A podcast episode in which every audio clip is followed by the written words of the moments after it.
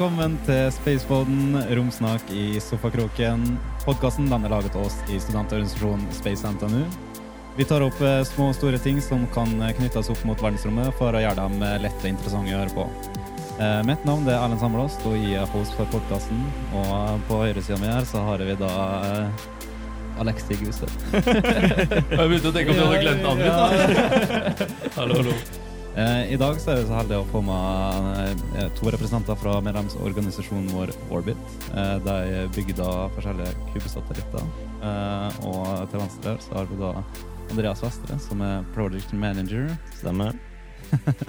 Og så har vi da CTO Mari Linderud.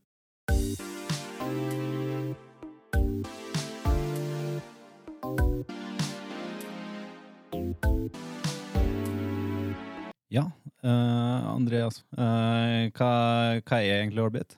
Ja, Orbit er en studentorganisasjon på, som holder til på NTNU, som bygger små satellitter. Uh, så det er en organisasjon som har holdt på nå i Vi har vel begynt på vårt fjerde år. og er klar for å skyte opp vår første satellitt om litt under et år. Sommer neste år. Selfiesett. Du nevner små satellitter. Ja. Hvor eh, små er satellittene? Ja, så Vi bygger da noe som heter kubesatellitter, uh, som er en standardisert uh, type satellitter, helt ned til 10 ganger 10 ganger 10 cm, som da er uh, standarden. Og vår satellitt Selfiesett består av to enheter, så det vil si den er 10 ganger 10 ganger 20 cm. Så cirka en litt stor melkekartong, kan man tenke på. Ja, riktig. Og, men det, det er bare studenter som jobber her, eller hvordan, eh, hvordan Ja. er det liksom Ja, riktig. Ja, så vi er alt fra første til femteklassinger, og til og med uh, noen doktorgradsstudenter er med. Uh, veldig lite tilknytta NTNU og professorene der. Og det er eh, alle mulige linjer og eh, type liksom interesser, eller hvordan, hvordan er liksom eh, miljøet av de som er med? Ja, altså vi har en kjerne, kan vi si, på kybernetikk, eh, robotikk slash LSYS, Mhm. elektronisk systemdesign og innovasjon. Eh, Men ellers så er det datateknologi, informatikk, mye forskjellig. Vi har også folk som ikke har tekniske, tekniske eh, Verv, liksom. ja, ja, ja, ja. Som, som er marketing, for eksempel sosiologi. Eh, og folk som kan marketing, nå, som ikke, ikke jobber teknisk i det hele tatt. Vi har til og med filmstudenter, faktisk. Ja, med, Ok. Seriøst? Og det er jo kult. Mm. Da vet vi hvem vi skal hyre inn hvis det plutselig skal lages film om, Ja. om Spacebond. Mhm. Eh, hvor- Hvordan holder dere til, Anna? Ja, vi heller til på to toppen av elgbygget, altså på taket, som vi kaller det. Eh, det er femte etasje, og da har vi liksom panoramautsikt over hele Trondheim. Det er kjempenice. Ja, riktig, Alle riktig. går ut og ser på stjernene i dag. Og... Ja, dere har så egen stjernehimmelkikking, sikkert, eh, som dere kan eh, hver, hver, hver kveld. Det er forklart og fint. Ja, hvis det er fint, så er det veldig chill å bare stikke ut og se på stjernehimmelen. Ja, riktig. Eller på sommeren. Stikke opp der og Ja, ja. nyte sola der. Ja, det må, det må være helt nydelig. Det er sånn, Mm. det er veldig få som faktisk Når det er i hvert Mm. fall studentorganisasjoner som både har så bra oppsett. Ja, det er kult. Ja, jeg tror det er beste på, på campus. Ja. Ja, ja. Helt objektivt. Ikke noe subjektive meninger, meninger her i det hele tatt. Men sånn Orbit, er det der de ti, Dere har vel ulike teams som kanskje jobber sammen og sånn? Hvordan på en måte er Er det veldig mange av dem, eller er det Ja, og nå har vi jo Nå kommer jeg sikkert, sikkert til å glemme et team, da, men vi har eh, en god del tekniske team. Uh, type det, Skal jeg nevne alle? Ja, vi ja, Bare kan, nevne noen, liksom. Som, ja, ja, bare så vi Mm. Vi har noen software-team som jobber med uh, eksempel datamaskinen om bord på satellitten, uh, og kontrollsystemet som bestemmer orientasjonen til satellitten. mm. Det vi kaller ADCS, Attitude Determination and Control System. Så det er en gruppe. Eh, Så har vi gruppa som jobber med nyttelasten, og så har vi gruppa som jobber med satellite communications, altså hvordan snakker man fra bakkestasjonen og opp til satellitten. Eh, Men vi har jo også marketingteamet, og så har vi et eget team som heter Suborbital, som eh, skal gjøre en ballongtest. Og så har vi selvfølgelig System Engineering Team. Og så har vi me- mechanics team som driver med ramme og passer på at alt sitter sammen. Så har vi electronics som lager kretskort, lodder Og den ting. typen. Ja. Yes. Ja, det, er jo, det høres ut som den syke logistikken, da, å holde styr på hvordan det skal funke. Alt sammen. Og alltid en liten melkekartong. ja. Det er sånn vi sier. Og det, det, var, det, det der var vi allerede egentlig inne på, Erlend, her eh, tidligere, med, med, med, med mm, det at eh, rakettforskning altså det, det vanskelige med det er jo det at det sikkert er så mye logistikk som skal holde sammen. altså det, det på en måte, Ikke bare rakettforskning, men satellittforskning. Ja. Men at det, på en måte, det er så mye ting som skal klaffe sammen. Det er, liksom, det er vel det som jeg føler er liksom ofte det vanskeligste. Hvordan føler dere at det går der? eh?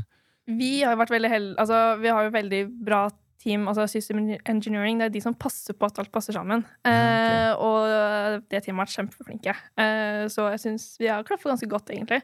Eh, både at software passer, at eh, alle mekaniske deler passer, og alt av interfaces, da. Så vi Det går bra. Så du føler, du, føler, du er, du er eh, sikker på at den, når den satellitten faktisk skytes opp, så er ting på stell? Det er ikke sånn Har egentlig ADCS gjort sånn jobben sin? Ja, ja, vi får se at den når den faktisk skytes opp. Når vi skyter den opp, så vet vi hvordan ståa er, i hvert fall. Ja, ja, det er jo veldig bra. Mm. Men eh, du sa det, dere holdt med selfiesett. Ja. Hva det går ut på? Så selfiesett er egentlig det høres ut som. Det er en satellitt som skal ta verdens første selfie fra verdensrommet. Verdens første, faktisk. Verdens første. ja. Da, da, det, det, det er bra pionerer, eh, ordentlig. Så mens den er i bane rundt jorda, så kommer den til å orientere seg sånn Eller eh, jeg må egentlig begynne historien litt tidligere her. For Hvis man ser for seg denne melkekartongen, så har den da en skjerm på utsida, selvfølgelig, eh, med en utfoldbar kamera eller en slags selfiestick. Sånn at når den er i bane, så, kan, eh, så orienterer den seg sånn at jorda er bakgrunnen. Så kan man laste opp et bilde til satellitten, f.eks. et bilde av eh, oss fire som sitter her. Det, vis... det må vi gjøre. Det må vi gjøre. Det må vi absolutt. Ja. Så eh, mens da jorda er i bakgrunnen, så vises det bildet på skjermen. Så tar kameraet bilde av skjermen med jorda i bakgrunnen og sender det ned igjen til oss her på NTNU. Ok. Men hvem, hvem er det som skal få lov til å sende de bildene? Er det liksom sånn hvem som helst, eller er det Ja, altså det er jo drømmen, da, at vi, kan, vi kan bli så flinke til det her at det hvem som helst kan få et bilde fra verdensrommet. Men uh, først og fremst så kommer vi nok til å prioritere uh, våre egne medlemmer og samarbeid, samarbeidspartnere og alt sånn, og så kommer vi til å åpne oss mer og mer etter hvert som det blir mulig. ja, sånn at folk liksom kan sende inn ønsker og eh, tanker liksom, på at dette bildet Ja. skal sendes? Ja, men Målet er jo på en måte å gjøre så verdensrommet blir mye tettere på den vanlige, det vanlige mennesket, da. Ja, den vanlige personen Mm. På bakken. Ja, men det er kult. Eh, Hvor lenge forventer dere at den er i bane? da? Hvor lenge den er i bane? Du, det er veldig vanskelig å estimere med tanke på hvilken bane vi faktisk får. Eh, men eh, typ, altså, maksgrensa er jo 25 år, så uansett ikke noe mer enn det. Eh, men antageligvis kanskje rundt 10, kanskje. Men om det kommer til å fungere så lenge, det vet vi jo ikke. Ja. Men det er jo ganske 25 år er maksgrensen. Altså 25, Ja, det er, det, det er jo er sykt OK. lenge, da. Jeg føler liksom satellitter fungerer mye kortere. Liksom sånn, Jeg husker jeg, kjen, jeg snakket med noen som har lagd Jeg jobbet med sånn mm, Det var bachelor master, master sannsynligvis, da, og sendte opp en liten kubesatellitt for sånn et par-fire år siden. Ja, fire-fem år siden. Og den fungerte i en fort, eh, jeg tror en uke eller noe sånt, og så mista den Jeg tror antenna som Mm. forsvant, eller hva enn det var, men det var mista signalet, og så ble den borte der. Det er jo Men, men er det på Fordi, en måte men kravet er jo at den skal brennes opp i atmosfæren etter 25 år. Det er liksom et krav satt for at det ikke skal bli for mye romsøppel. Ikke sant? Så, eh, men hvor lenge den kommer til å overleve, det er jo det er så mange faktorer vi ikke har Mm. noe kontroll over. Nei, og det er første satellitten deres sender opp? Det stemmer. Mm. Hvordan, Det blir spennende å se. da. ja, absolutt. Altså, jeg, jeg begynner bare å tenke med en gang. Hvordan, hvordan skal den sendes opp? Hvem, hvem og hvor og hva? Ja, det er veldig Og vanlig. hvordan, for så vidt. hvordan får man opp, ja. ja. Ja. Kast den opp. Nei, så det har vi jobba ganske lenge med, og i jul eh, i fjor, faktisk så Det var en fikk- julegave. Ja, Ja, en, liten, en liten julegave. Så var vi så, hem, så heldige at vi fikk uh, en launch med SpaceX Falcon 9. Riktig, ja. Det er, der, der, der, der er der man legger plankene. Det er absolutt. Så for å være mer spesifikk, så snakka ikke vi direkte med SpaceX eh, om den launchen her. Vi har en mellommann som heter Momentus, som er amerikansk eh, firma. uh, som da har uh, en større, ca. to tonns uh, spacecraft, som de kaller for en Vigoride.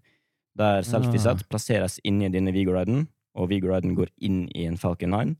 Og deretter så vil uh, Vigoriden plassere selfiesett i den banen vi ønsker. Ja, ok. Automatisk. Automatisk. Ja.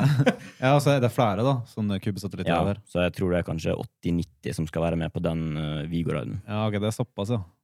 Så det er såpass mange samtidig. For det, det, det jeg har sett tidligere, så har det vært sånn at eh, Eh, bety altså Før man faktisk fikk så mye autom altså autonomi på akkurat det med kubesatellitter, så har jeg sett liksom at astronauter faktisk har tatt med seg eh, opp både kosmonauter og astronauter, hvis man skal ta både amerikanske og, og russiske der, eh, så har de på en måte bare kastet ut når de er ute på IVA, bare ta og kaster ut de spesifikke baner. da. Det er litt morsomt også, det fins liksom videoer når de bare kaster ut sånne kubesatellitter random ut. eh, Så det, men så det er, ikke, det er ikke sånn eh, det skal bli eh, at det er en person som Nei, nei, nei.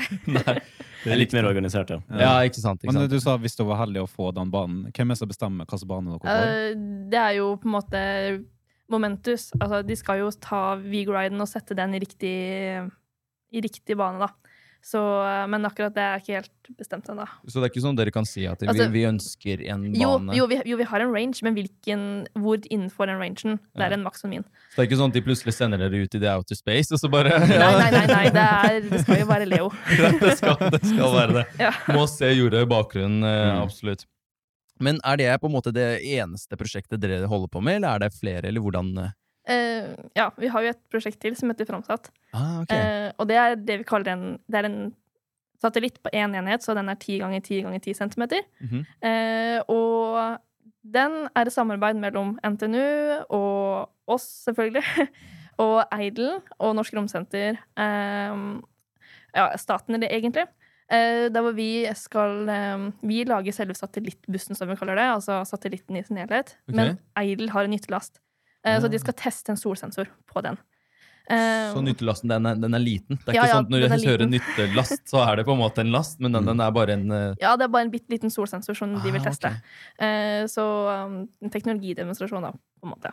Ja, ok. Eh, og formålet med Framsatt var jo egentlig at vi ønsker å, på en måte, siden de skal få en oppskytning på oppskytningsbase på Andøya, så Ja, er jo riktig. formålet med Framsatt å liksom utnytte seg av den. Så nå, nå har vi jo søkt på å kunne få være med på første oppskytinga til ISAR, fordi det er en søknad som ligger ute. Så får vi se om vi får lov til å få den dekket, da, og få vel blitt med på gratis launch. Fra Norge. Norge. Ja, fra Norge. Norge. Fra Norge, Det er viktig. Men ISAR, sa du. Hva, hvem var det, på en måte?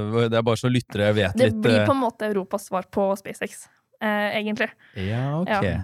Det er interessant. Men eh, jobber de, er de, hvor store er de? på en måte? Det er jo en Ja, Da- de har, de har ikke hatt en, en oppskyting uh, ennå. Nei, det, det er riktig. tysk, uh, en tysk uh, Kan Ja, man tysk. kalle det en startup, da? ja. En tysk startup. som, Er det litt sånn, sånn Orbital Machines at de, Eller er det frivillig? Er det sånn Orbital Machines? Nei, Er jo, eller ikke frivillig, er det Orbital Machines er vel sånn crowdfounda? Ja. Er det riktig å si? Eh, men uh, Nei, ikke Orbital Machines. Jeg mener faktisk sub eh, Copenhagen Suborbitals, Ja. for å sette ja. det riktig. Orbital Machines lager turbobomber. Det, det er fort å ta det litt feil her. Men Copenhagen Suborbitals de sendes skal jo opp i verdensrommet med første dan danske. Uh, de er jo crowdfunda. Er ISAR støtta statlig, eller hvordan er de Eller er det privat? Har du noe Det vet ikke jeg, i hvert fall. Nei, de, de er vel òg litt eh, Jeg tror det er crowdfunda, ja, men ikke kun det. Det var støtta Det er jo en Men det er absolutt kult om hvis dere får muligheten til å være med på første, første oppsending der, da. Det hadde vært helt sinnssykt. Ja, og da, bare det at det er liksom første oppskytinga fra Europa. Ja, Liksom- ikke sant? Ja. Og det er, det er, det er absolutt. Så det er, det, vi har snakket veldig mye om det der med Andøya, egentlig. Ja. At Andøya må liksom mer og mer bli brukt i Norge. Altså, sånn, Norge var jo et av de første det er litt morsomt, et av de første landene til faktisk skyte opp en rakett Mm, i, til mm. verdensrommet. Det er jo ganske det er sykt å tenke på. Så har vi liksom sittet og venta og venta og Mm. venta i så mange år. Så det er absolutt uh, veldig bra at vi har organisasjoner som, som Orbit, da, som Ja. faktisk uh, ønsker å benytte seg av det. Altså, absolutt. Drømmen er jo det å få en norsk satellitt på første oppskytinga, eller første orbitale oppskytinga fra norsk jord. Ja, Ikke sant? Og at det faktum at det også er første europeiske oppskytinga, er jo på en måte Gjør det enda kulere, da. Ja, det er Absolutt. veldig kult. Eh, men det, det, satellitt blir jo påvirka av veldig mange forskjellige ting. Eh, hvordan får dere testa sånn vakuum for eksempel, og sånne type ting her i Trondheim? Um, altså, vi tester jo eh, Vi lager en del eh, Vi kan kanskje starte fra start, liksom. Fordi at eh, når en satellitt skal bli skutt opp, ikke sant, så startes det med at eh, du har selve oppskytinga, hvor du både opplever sjokk, og så opplever du eh, det, en statisk akselerasjon. ikke sant? Så da må du teste liksom sjokktesting og static load. Og det gjør vi hos sponsorene våre, så det skjer jo ikke i i utgangspunktet ikke i Trondheim. Eh, det har vi testa hos FFI. Eh, Så det er ikke sånn at dere bygger eh, vakuumtestingsmaskiner Jo, og fordi det er, jo, for det er det. Jeg skal komme til det senere. riktig. riktig, riktig. Um, fordi når vi da liksom etter hvert da, så du, mens Under oppskytinga så har du masse random vibrations, det er som må vi teste, og det gjør vi også sponsorene våre. Men når vi er i bane, så opplever du jo både veldig varme forhold og veldig kalde forhold, eh, og det må du teste på en måte. Så eh, det man kaller et TVAC, som er thermal vacuum, eh, den testen har, vi jo, har vi også gjort hos Kongsberg, hos en av sponsorene våre. Men for å kunne på en måte gjøre flere tester selv, så har vi bygd oss det vi kaller Fancy Thermal Test Rig, FTTR. Ja, riktig. Eh, og det er et, det er et vakuumkammer med eh, sånn kobberplater, eh, som gjør at vi kan på en måte teste og heve på en måte, komponentene våre til en temperatur. Typ sånn 120 grader og, og varmere, egentlig, men det er ikke noe nødvendig med noe mer. Og så kan vi på en måte teste liksom Eller teste ting som vi før har fått eh, teste hos Kongsberg. Mm. Men også så kan vi på en måte sjekke at komponentene vi bruker, ikke utgasser, fordi det er ikke OK. Eh, på en måte. Ja, Det kan, hvis du på en måte, komponentene utgasser et eller annet materiale, så kan det legge seg på linsa, og som gjør at vi ikke kan få bra bilder, f.eks. Å Ja, men, men det er jo dårlig temperatur hvis du skal ta en selfie. eh, Ja, det er veldig sant. Plutselig får vi litt sånn der gass i samme slengen. Men, eh, men eh, temperatur, du sier 120 grader. Er det ikke veldig kaldt i verdensrommet? Det er jo minus 200 et eller annet, eh, 70 nesten grader der. Så Altså, I realiteten så vil vi bare oppleve mellom minus Maks minus 20 Minst. Ja, ja minst minus 20. det er egentlig Og sydentemperatur. eh, minst minus 20, og så eh, maks rundt 50 er liksom okay. realiteten det altså, satellitten kommer til å bli. Eh, men det er jo fordi at du har mye Altså, det eneste varmeoverføringa er gjennom stråling. Ja, ikke sant. Så det blir ikke samme varmeoverføringa som det blir her på jorda, fordi ikke vi har luft her. Ja. Ja. Så man har jo det problemet med at eh, når satellitten er i skyggen, så kan det bli veldig kaldt, mens når den kommer til sida med sol, så kan den plutselig bli veldig varm. Mm. Ja, så det er solen som på en måte varmer opp eh, Ja. hovedsakelig. Mm. Og den kan øke Mm. temperaturen ganske Ja. høyt, kanskje. da ja, Veldig Mm. eksponert på begge sider, liksom. Ja, ikke sant. Ja, ja, ja.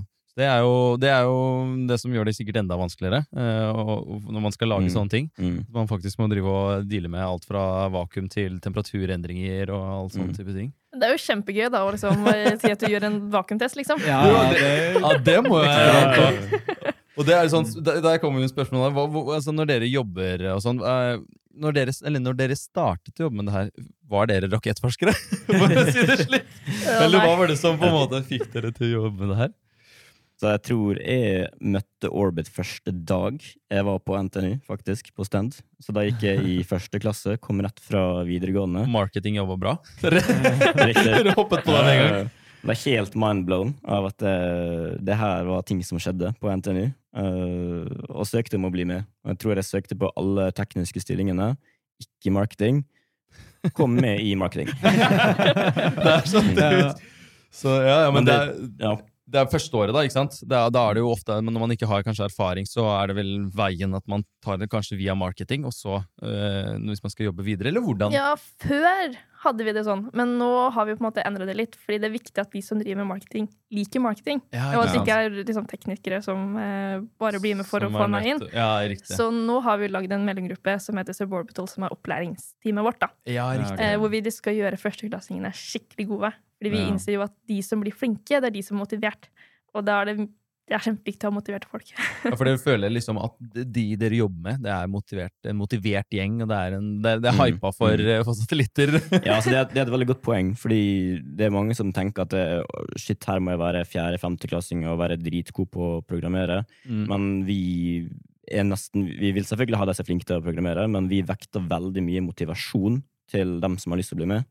Så, og det vi ser, er at det er de som er veldig motiverte, blir veldig, veldig flinke, og, og, og betyr utrolig mye for Orbit eh, når de har vært med kanskje ett eller to semester.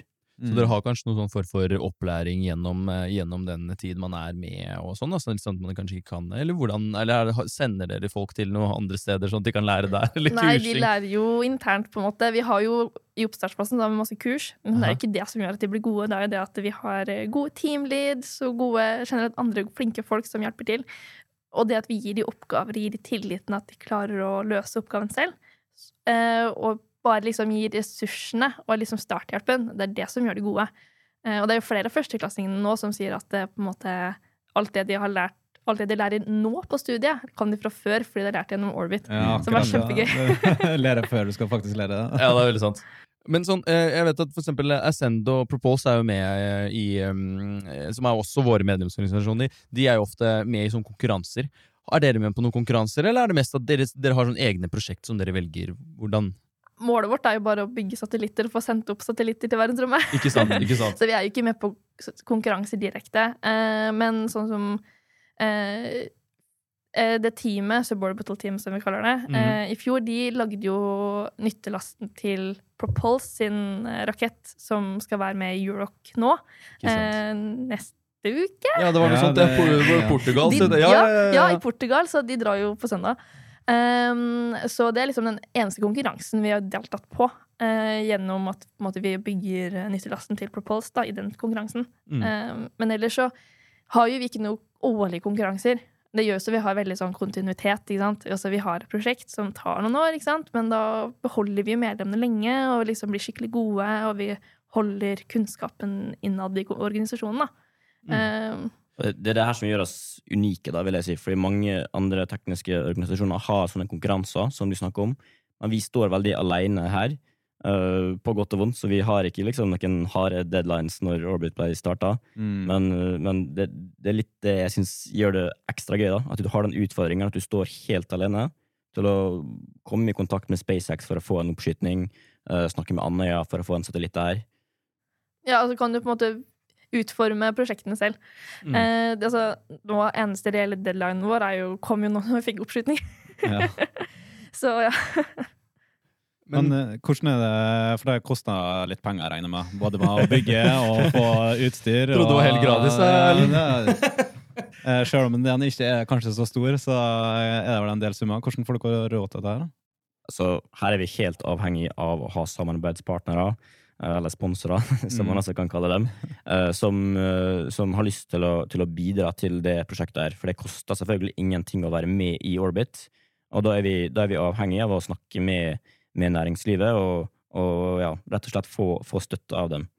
Så for eksempel eh, Simpro, Norbit, Kongsberg er, er dem som faktisk gjør at det her er mulig, økonomisk sett. Men er det, noe, er det noe støtte av noen statlige eh, organisasjoner, eller fra NTNU direkte og sånne type Ja, ja, vi får uh, sponsa penger fra NTNU, det gjør vi. Men ja. Framsatt det er jo sponsa av følgemidlene til Norsk Romsenter. Siden det er en industripartner som er med oss. Eh, det er jo midler vi ikke hadde fått til Selfsat, eh, men som var mulig å få tak i pga. Framsatt og det samarbeidet vi har med Eidel. Det er jo helt Så- sinnssykt at dere har fått til dette det med framsatt. At det er jo faktisk så sånn Ja. Eh, Altså, jeg husker jeg, jeg som tidligere Orbit-medlem her husker hvor, hvor, hvor man tenkte ok, hva er det vi kan gjøre etter Selfiesat? Hvordan er det? Men Da var det et par år siden, da. Men likevel det var liksom alltid en sånn tanke hvordan eh, går man videre? Men nå ser det ut som at Ja. alt er på skinner og kjører. Det er jo sykt. Altså, det som er så gøy med Framsatt-prosjektet, er at man ser at Andøya, Norsk Romsenter liksom, og industrien har veldig trua på oss, NTNU. Og selvfølgelig at vi også har trua på dem. Eh, og eh, det at de på en måte er med på det prosjektet, det er jo også uvurderlig for oss, siden vi får den eh, muligheten til å samarbeide med dem og lære veldig av det. Hvordan Mm. ja, Eidel gjør det, og sånne ting. Men sånn, det, det, der er det spørsmålet med en gang. Kubesatellitter, hvordan brukes de per nå? I, av sånn, er det noen som faktisk bruker dem, eller er det mest for bare testing av liksom når man skal starte med satellittforskning og sånn, eller er det Ja. Ja, det er både òg. Det brukes til alt mulig, egentlig. I dag mye mer enn man tror. Uh, for eksempel, det kan brukes til jordobservasjon, det kan brukes til å oppdage ulovlig fiske på, på havet. Ja. Er russere sånn som der, går ja. over uh, feil grense nå? Ja, altså, det brukes jo ja, til å teste teknologi og uh, altså, Det som er med kubesatellitter, da, er det at den senker jo produksjons... Altså både kostnaden og tiden helt ekstremt. Fordi altså, nå har vi bygd en satellitt på rundt fire år, ikke sant? Eh, og framsatt enda kortere. Så det måte senker jo både tiden man bygger en satellitt på, helt ekstremt, og så kostnadene helt ekstremt. Eh, og da får man jo muligheten til å på en måte ja, utføre forskningsprosjekter også, ikke minst. Mm. Men er det sånn at man må på en måte teste litt mindre fordi man har mer info om det fra før av, liksom? Fordi satellitten er så standardisert? Det, er, også. Ja, ja. Det, er også altså, det er mindre å teste fordi ting er standardisert.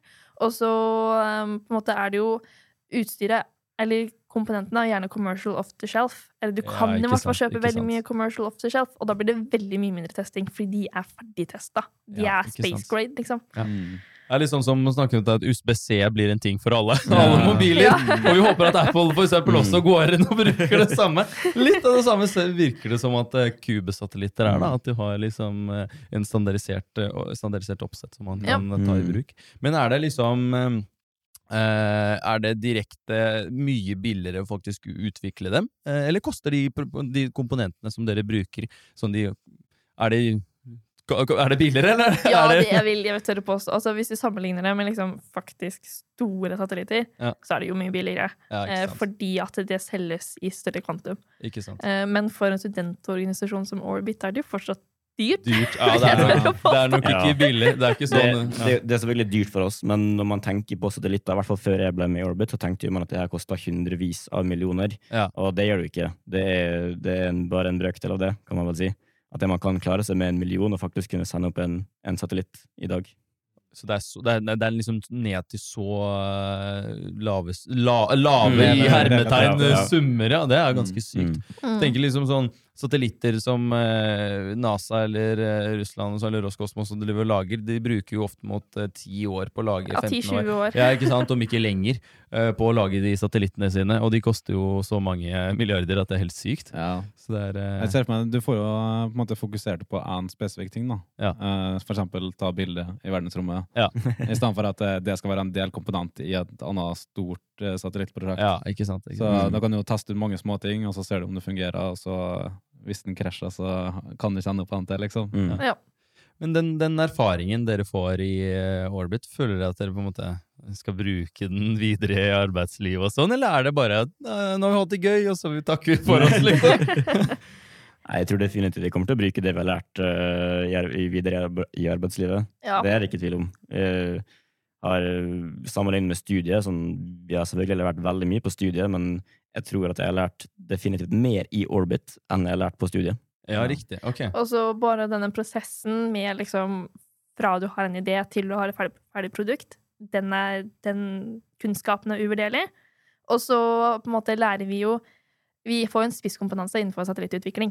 Eh, som jeg vil tørre å påstå du ikke får noe annet sted i Norge, på en måte. Mm. Fordi vi bygger jo faktisk satellitten sjøl. Uh, og vi har jo veldig mange medlemmer nå som er dødsgode på det de gjør.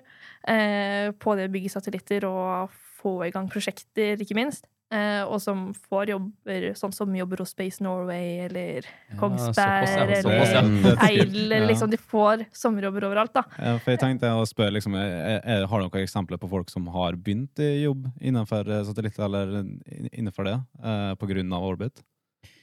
Uh, ja, det har vi. Vi har for eksempel noen som jobber hos uh, Space Norway i dag, kan vi vel si. Uh, vi har, det er jo mange som har hatt sommerjobber med for eksempel KSAT, Vake, Kongsberg, Eidel ja. altså det er, det er, de kommer og, og mm. Eller ja, det er jo mm. kanskje mye av samarbeidspartnerne deres som ønsker ja. å ha dere inn med en mm. gang, liksom. Ja. ja. for vi hadde jo Vake på besøk her. Jeg hadde en episode med dem. Eh, og der bruker jo kubesatellitter, så det er jo dødsbra inngang til dem òg.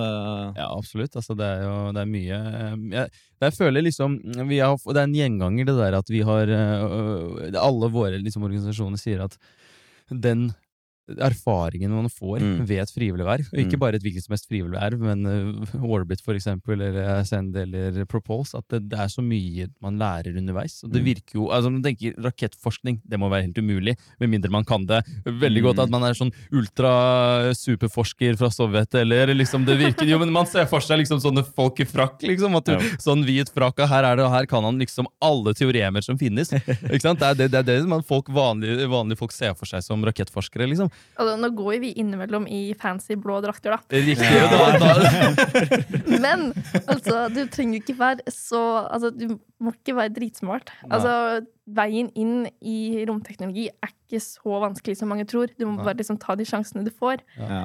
Um, og det er jo skummelt når du liksom tenker at det, Å, herregud, verdensrommet. Men du får det jo til. Og den, i Norge så er jo miljøet så stort, så det er jo så mange jobber det er mulig å få også. Og gjennom å ha vært med i en organisasjon som oss, Mm. da, så er det jo inngangen enda lettere.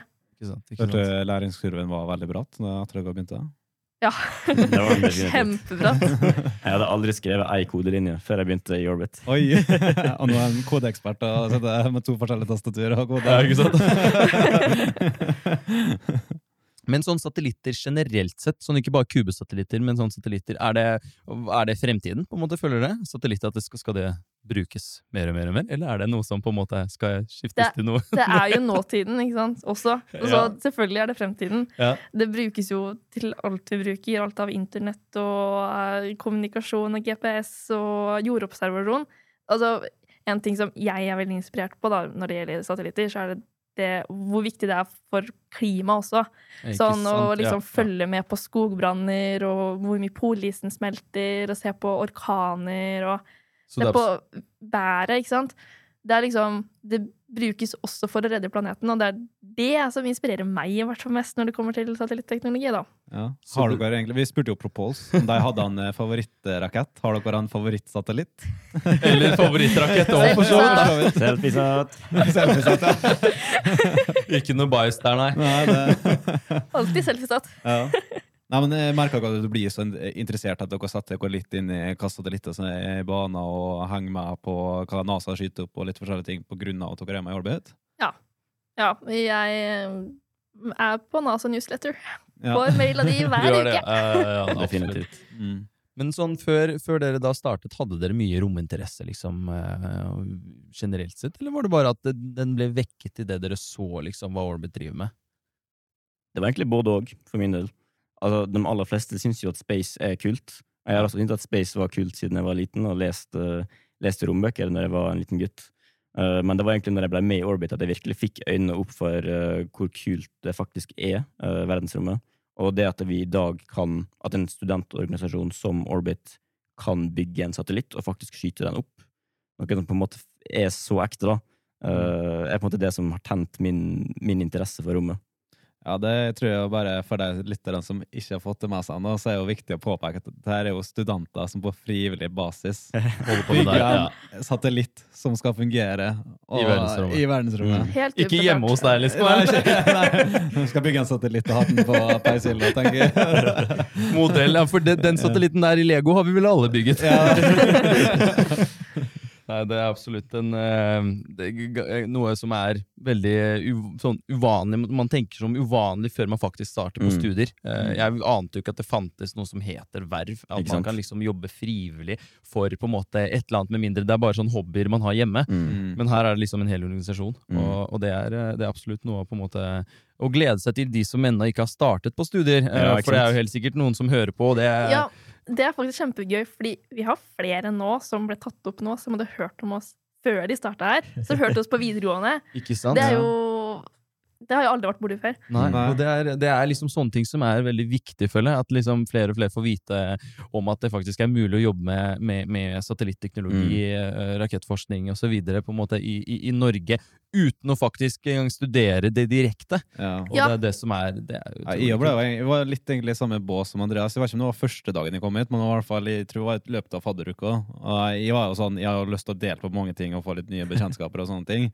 Og så bare går jeg inn i gangen der og så bare sånn Vi bygger satellitter, vi bygger raketter! Og jeg bare Å, shit, vi skal melde meg på alt sammen! Og bare sånn, jeg hadde ikke forestilt meg at liksom, studenter kunne bygge så mange kule ting, og at det faktisk fungerer, og at det er så eh, proft, men at det er på frivillig basis. Og det, ja, det, du, du er liksom Du er ikke 35 år og har studert Mm. dette spesifikt i 15 år sjøl, liksom. Det, Fordi en ting jeg føler, er jo at ganske mange tror ikke at vi er så profesjonelle som vi er, men vi er jo en full organisasjon som er Vi opptrer profesjonelt, og vi er jo registrert i Brønnøysundregisteret og Altså Og du har er et styre, og det fungerer. Ja, Ja, sant? Ja. ja. Det er ikke bare sånn eh, Andreas uh, som skal bare ta med gutta og Du, vi mekker en satellitt her! Du, shit, den, den flyr! Den flyr oppi der! Ja, sammen med raketten, ikke sant? Så det er, det er mye mer ordentlig enn som så, så Ja, ja. forstår, da. Det er mye jobb, og det er mye liksom, organisering og passe på at alle har det bra, og det er jo Mm. Jeg føler vi opptrer som en bedrift. mm. Det gjør vi. Vi er jo 65 medlemmer i dag, så det begynner å bli ganske mange, Det er mange, mange har styr på. Ja. Ja, men er ikke det da en, 65? Det er jo en betydelig antall. Er, det, er ikke det et av de største på NTNU? da? Eller hvordan? Jo, jeg tror det. Det et av det. de største. Ja, ja, ja. Har ikke tellinga på de andre, men uh, tror det. Ja. Og, og alle, men alle har liksom en, en oppgave de holder på med hele Ja. tiden? Eller er det liksom at én uh, sitter og venter på at den andre skal bli ferdig, og så Nei, altså, vi har jo på en måte i medlemskontrakten vår altså alle skal bruke minst eller ja, bortimot 50 timer, da. Nei, 15 timer i uka. 50 timer? 50 Da er det bare, da er det bare å droppe ut før man har begynt. 15 timer i uka, så det er nok til å rekke det. Ja, og da er det passe, passer mengde, for det får du også liksom at det ikke går utover studiet og sånn. Mm. Ja, for det, der er sikkert et spørsmål mange sitter med. Når man starter inn i en sånn organisasjon og begynner å holde på med det som er Mm. gøy, eh, så blir man jo litt revet med, kanskje, og sånn, eh, og så er det sikkert noen frister og noen greier. Hvordan, hvordan går det utover studiekvaliteten eller studietiden? Tror nok definitivt det har gått utover litt karakterer. Sånn. Det har det nok. Ja. Men, Men hvis man ser på det man får tilbake, så er det definitivt, uh, definitivt verdt det. ass. og jeg tror at for de fleste som eh, er helt vanlige medlemmer som ikke er i styret eller har noen lederrolle, så klarer jo de å liksom kombinere det med studastilling og deltidsjobb og masse fritidsaktiviteter og flere verv. Mm. Eh, jeg gjorde det selv når jeg var, var var med i payload-gruppa, da, som vi var med i starten. Ja. Eh, Men de som er ledere og har styrestillinger og prosjektleder, bruker veldig mye tid på Orbit. Og Ja. da Ja. Det skal sies da, at det er de som eksempel havner i OBC og programmerer veldig mye, blir jo dødsgode i å programmere. Så når de da kommer til tredje og fjerde klasse og har programmeringsfag der, så blir det plutselig en walk in the park, sammenlignet med dem som ikke har, har programmert like mye som dem. Så man får veldig mye tilbake. Du, du gir litt i noen år, og så får du veldig mye tilbake gjennom resten av studietida di. Man høster det man sår. ja. Den, du, du er rett på der! Ja, på. Ja, det, det, det er også som vi nevnte om Apropos og sånn, da, er jo at eh, du, du blir så engasjert, ler veldig mye, og du får kanskje eh, enten lærdom som du får eh, gjengjelda i andre studier, eller så får du det i arbeidsmarkedet. Om det ikke er direkte at du skal jobbe med satellitter, så er det sånn du har vært med i en organisasjon, du vet hvordan det er liksom å forholde seg til en ledelse, eller det å være en leder, eh, og Mm. eh, jobbe i team. Eh, Forholde seg til krav, ikke minst. ja, krav, ikke sant, og tidsfrister. Eh, du er jo vant til tidsfrister med eksamen og sånne type ting, men det er litt annet. Eh, Og så får du et eierskap til det du gjør. ikke sant? Mm. Det er kanskje det som er det største, og det du på en måte også kommer til å oppleve i arbeidslivet, at du får liksom det eierskapet til det du jobber med. Um, Ja, jeg, jeg, jeg har hørt at faktisk det er en del uh, selskaper som, uh, som nesten setter uh, karakter... Nei, ikke karakterer, men som nesten setter sånne verv høyere enn faktisk karaktersnitt. At det er viktigere at du har vært med på verv. eh, For det er jo, ikke sant, som, du, som dere nå sier, at du får faktisk jobbet med, med et prosjekt, og du, du, du, gjør ikke, du skriver ikke bare matteformler Mm. eh, hele tiden som du lærer deg Mm. pugger, og som man glemmer på en prøve. ja, Eh, ikke sant? Et, rett etter en prøve. Det er jo derfor derfor jeg det- ble med i Orbit. Ja, jeg, jeg tenker Vanligvis når du gjør prøver, så er det veldig lett å glemme seg om et halvt år. Men når du har jobba med prosjektet, Mm. du har, bruker det jevnlig, f.eks. programmering, da. Så lærer jeg det, bruker det, og det blir et resultat. Da får du en helt annen type lærdom enn Ja, det- å ha lært formelen, og så bare ja, ja, det er akkurat det på prøva, og så bare Ja, ikke sant? Det er sånn, så, Men ja. nå når du er med Orbit, eller jeg i hvert fall, så tar jeg det jeg lærer på studiet, og så skriver notater. Dette kan jeg bruke i Orbit. Ja, Ikke Det har jeg sant, gjort flere ganger, liksom. Ikke sant? Ja, det, da blir det bare artig å studere òg. Ja. det er veldig sant. Og For det er med sammenhenger. Og, Ja.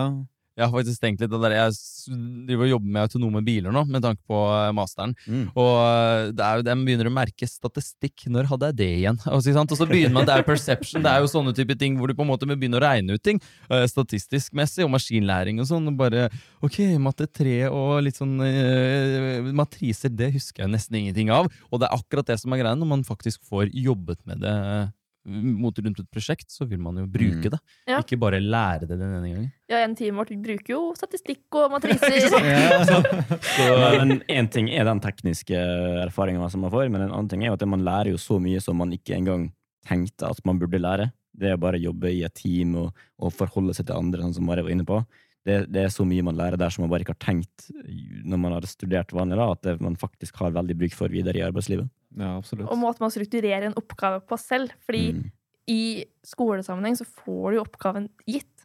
Ja. Mens i en teknisk studentorganisasjon så må du lage oppgaven din selv. Du må bryte ned hele det store målet, og så må du lage de oppgavene. Og det er jo absolutt ikke en enkel oppgave. Jeg tror si dere det har det jo noe spesifikt. For sånn, nå kan jeg veldig litt om eh, koding, da. Men sånn, når du skal lære om if-setninger, eksempel, så lærer du hva en if-setning er, og når, eller liksom Mm. eksempler på bruks, Mm. eh, bruksområdet. Du Men eh, da- dere må jo finne ut her har vi et problem, hvordan skal vi løse det? Eh, og da må du basert på Sette det du den inn basert på faktiske prosjektet. Ja, du får Ja, ikke absolutt. beskjed om at her er det en sånn type løsning. Mm. Det er du som må finne løsninga.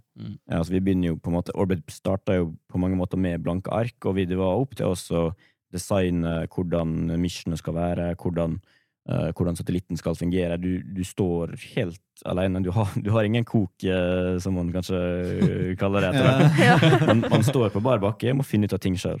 Mm, Og så reviderer man det underveis, da, ikke sant? fordi man ser at åh, det var kanskje litt feil.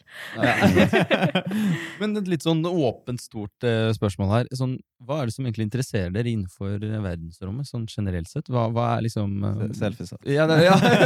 Utenom nå selfies. Det, det, det, selfiesett. det, er- det er ett svar automatisk. ja. Men så, hva, hva føler du på en måte er det mest interessante for deg innenfor verdensrommet? Mm, altså, for min del så er det hva det kan brukes til. Eh, som sagt, jeg har jo, men jeg har jo ikke, men jeg har, ikke, jeg har aldri vært sånn superinteressert i verdensrommet selv. Eh, selvfølgelig galakser og stjerner er veldig pent å se på, men eh, eh, på en måte det at du kan bruke det til forskning, kreftforskning, eh, hvordan kan man på en måte utnytte seg av ressursene som er i verdensrommet, og det med jordobservasjon og ja, Mm. alt det der, da. Så det er ikke sånn at du har sittet og drømt om å være den første på Mars? Eh, nei. Nei. Men, det er akkurat det som også Det er er så Mer, kanskje.